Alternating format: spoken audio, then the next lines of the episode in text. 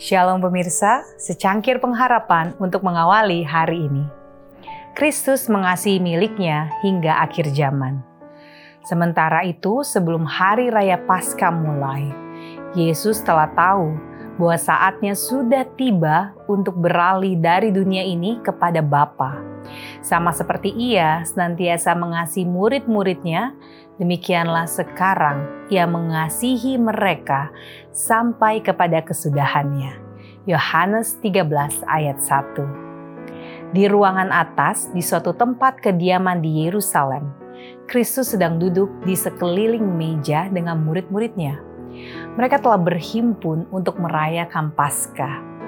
Juru selamat ingin mengadakan pesta ini tersendiri dengan kedua belas muridnya. Ia mengetahui bahwa saatnya sudah tiba. Ia sendirilah anak domba Paskah yang sebenarnya. Dan pada hari Paskah itu dimakan, ia akan dikorbankan. Ia hampir akan minum cawan murka. Tidak lama lagi, ia harus menerima baptisan penderitaan yang terakhir. Kini ia sudah dalam bayang-bayang salib dan rasa sakit sedang menyiksa hatinya. Ia mengetahui bahwa ia akan ditinggalkan pada saat ia dihianati. Ia mengetahui bahwa dengan proses yang paling menghinakan yang biasanya dialami oleh para penjahat, ia akan dibunuh.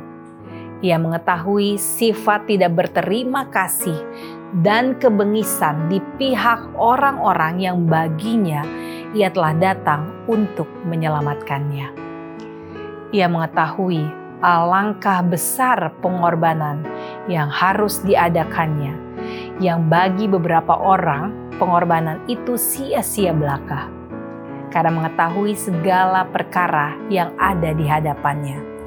Dengan sendirinya, ia dapat dikuasai dengan pikiran perihal ia direndahkan serta penderitaannya.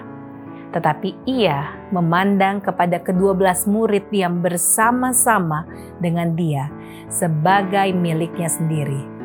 Dan yang sesudah ia dihinakan dan diperlakukan dengan bengisnya akan ditinggalkan untuk berjuang dalam dunia. Pikirannya tentang apa yang harus dideritanya sendiri selalu dihubungkan dengan murid-muridnya. Ia tidak berpikir mengenai dirinya sendiri. Perhatiannya bagi mereka paling utama dalam pikirannya. Alfa dan Omega, jilid 6, halaman 281 dan 282. Demikianlah renungan kita hari ini. Selalu mulai harimu dengan secangkir pengharapan.